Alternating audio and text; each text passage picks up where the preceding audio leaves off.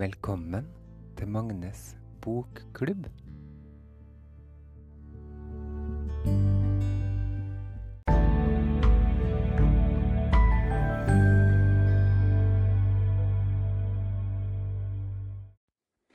Velkommen, kjære lytter, til siste episode i sesong én av Magnes bokklubb, hvor jeg leser 'Villskudd' av Gudmund Vindland.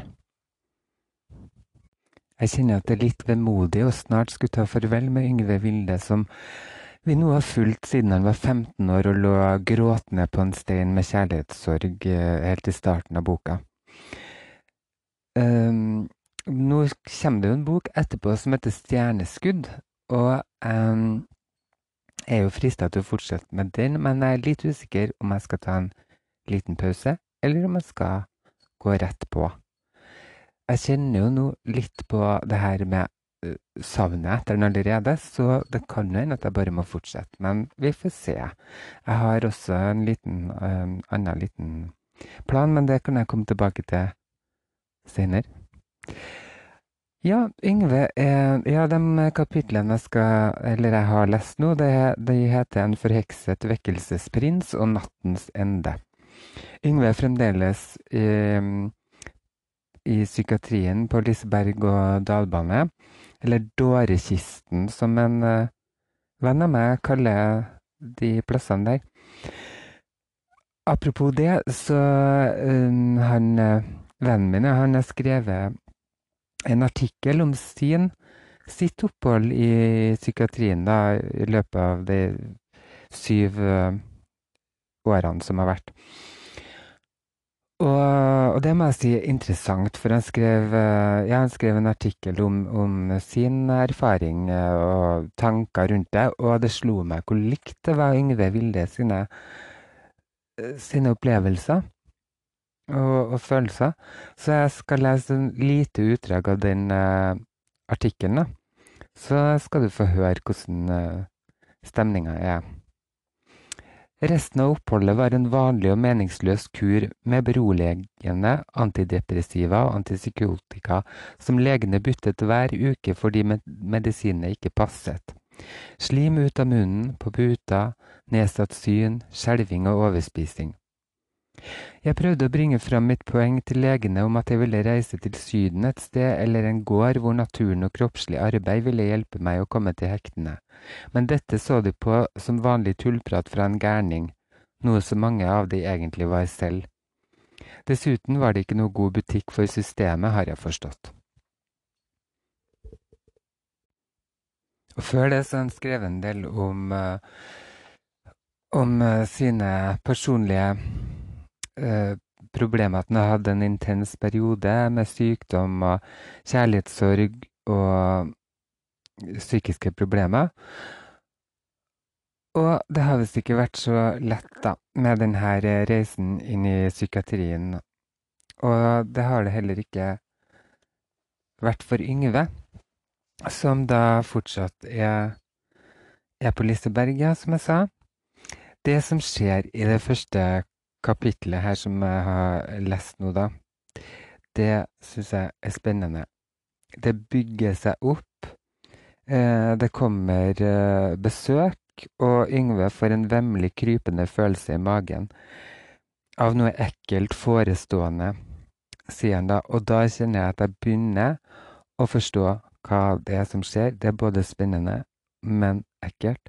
Og det viser seg nemlig det at det er Magnus som kommer.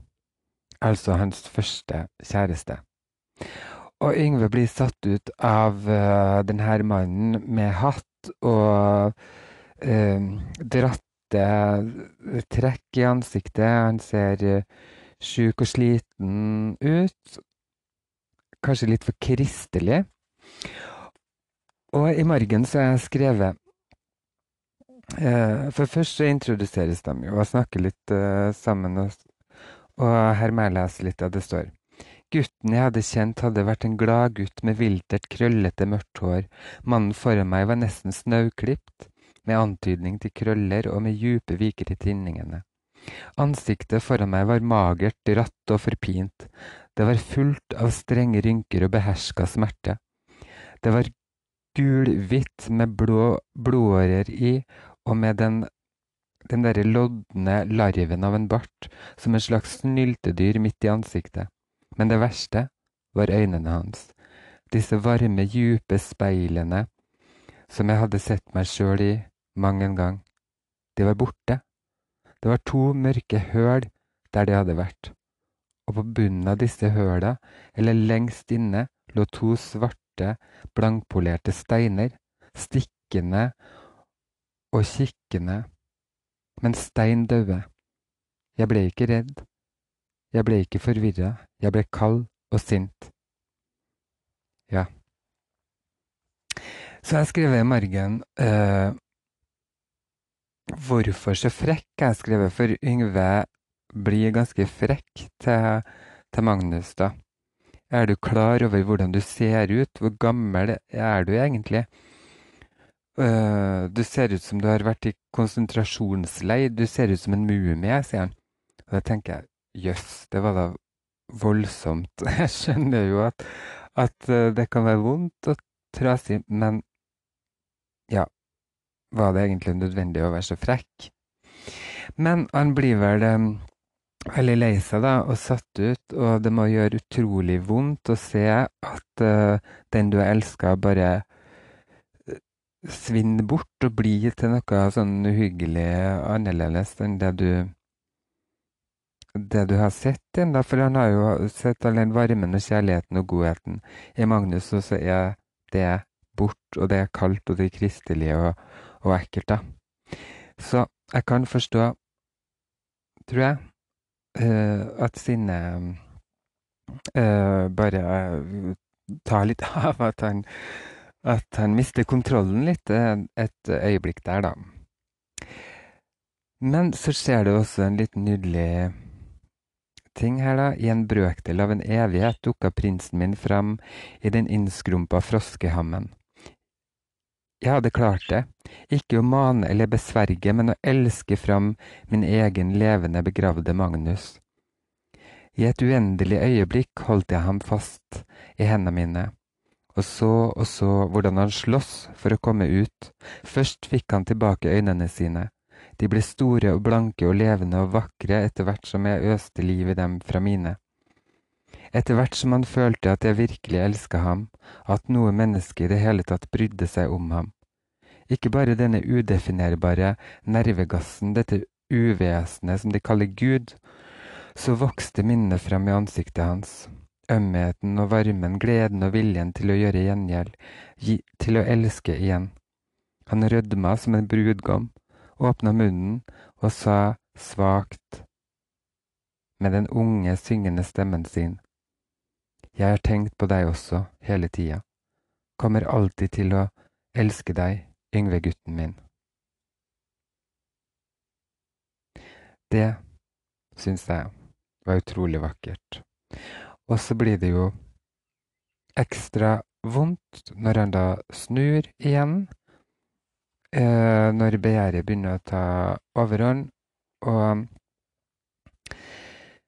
eh, ja, og at han blir redd og mener at det er syndig og alt det der. Det er jo ganske voldsomt, da, det her han sier. Kommer alltid til å elske deg, Yngve-gutten min. Det er så vakkert, romantisk og nydelig, og at han da bare forkaster det uh, på grunn av Gud og um, sin overbevisning, så er jo det forferdelig ekkelt og provoserende. Jeg skjønner Yngve klikker jo fullstendig og kaster den ut, og han blir hysterisk. og får masse medisiner og får en såkalt sovekur, da, som de kaller det. Så inn i nattens ende, da, som er det siste det siste kapitlet, så våkner han og Og han har vært dopa ned en stund. Og um, legen har lyst å fortsette å dope ned fordi han syns det var litt voldsomt, måten uh, Yngve har reagert på, da. Uh. Det å vise følelser og, det uh, å være litt sånn ukontrollert, det er visst ikke så heldig, da, ifølge de her uh, folkene i psykiatrien her, i hvert fall. Så da må de dopes ned, sånn at de blir rolig og beherska. Men Yngve begynner å bli lei av det, og han har ikke lyst å gå rundt og være dopa. Men han blir nødt til det. Søster Bodil hjelper han å covre litt for han igjen når han spytter ut noen tabletter, og prøver å finne en plan på hvordan han skal fortsette av det her oppholdet.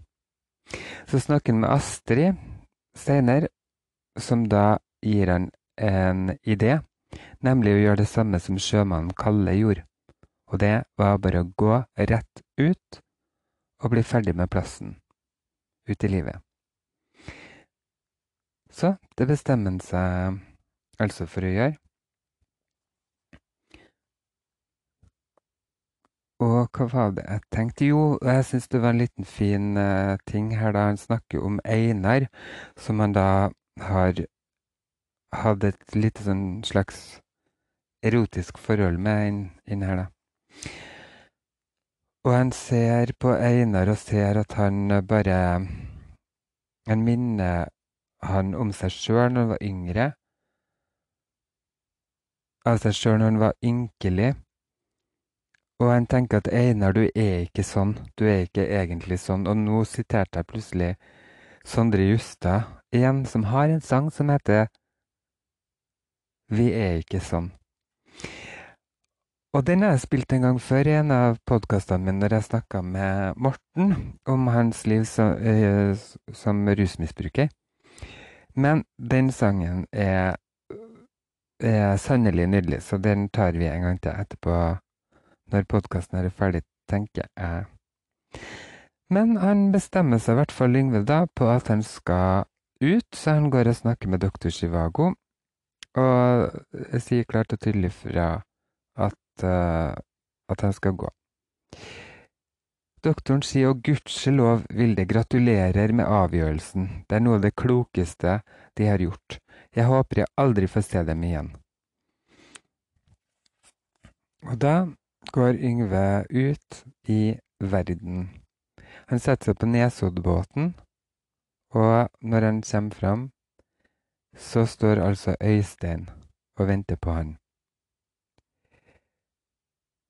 Og han blir tatt imot med å åpne armer. Ja, det var jo en uh, åpen slutt. En det var ganske fint å se at han kom seg ut av psykiatrien, og at han nå har en som står og venter på han. Og jeg tenker jo at um, livet kommer jo garantert til å gå veldig opp og ned for Yngve, det vil jeg jo tro. Men samtidig godt at han ikke er stagnert og øh, hva skal jeg si, grodd fast da, i noe vondt og trasig. Uh, ja, det syns jeg. Til slutt nå, da, så vil jeg lese et lite dikt som også sto i den boka her, i det siste kapitlet. Og det går sånn.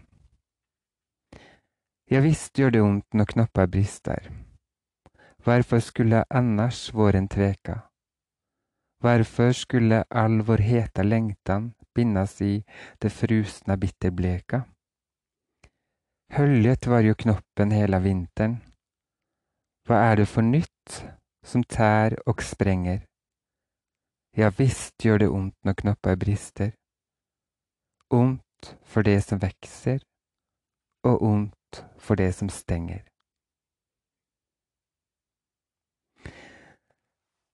Da har vi altså vært med Yngve Vilde helt ifra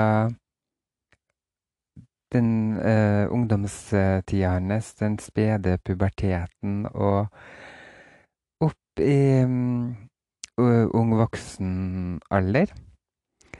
Jeg syns det har vært fantastisk å følge reisen til, til Yngve. Den har gitt meg så mye deilige og vonde refleksjoner og tanker. Men jeg har altså satt stor pris på det. Og mm, Det finnes jo en bok til som heter 'Stjerneskudd', sangen til Arne, der vi kan forfølge Yngve videre hvis vi vil. Men nå skal jeg tenke meg litt om og se hva det er hva det er jeg har lyst til å gjøre, om jeg skal ta en helt annen bok, eller om jeg skal gå rett på stjerneskudd da. Jeg er sannelig ikke sikker. Hjelp meg med å bestemme.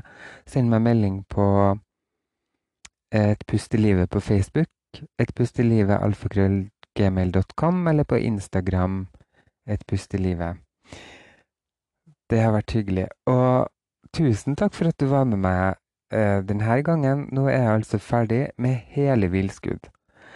Så nå må jeg sette meg og fordøye det litt, kjenner jeg.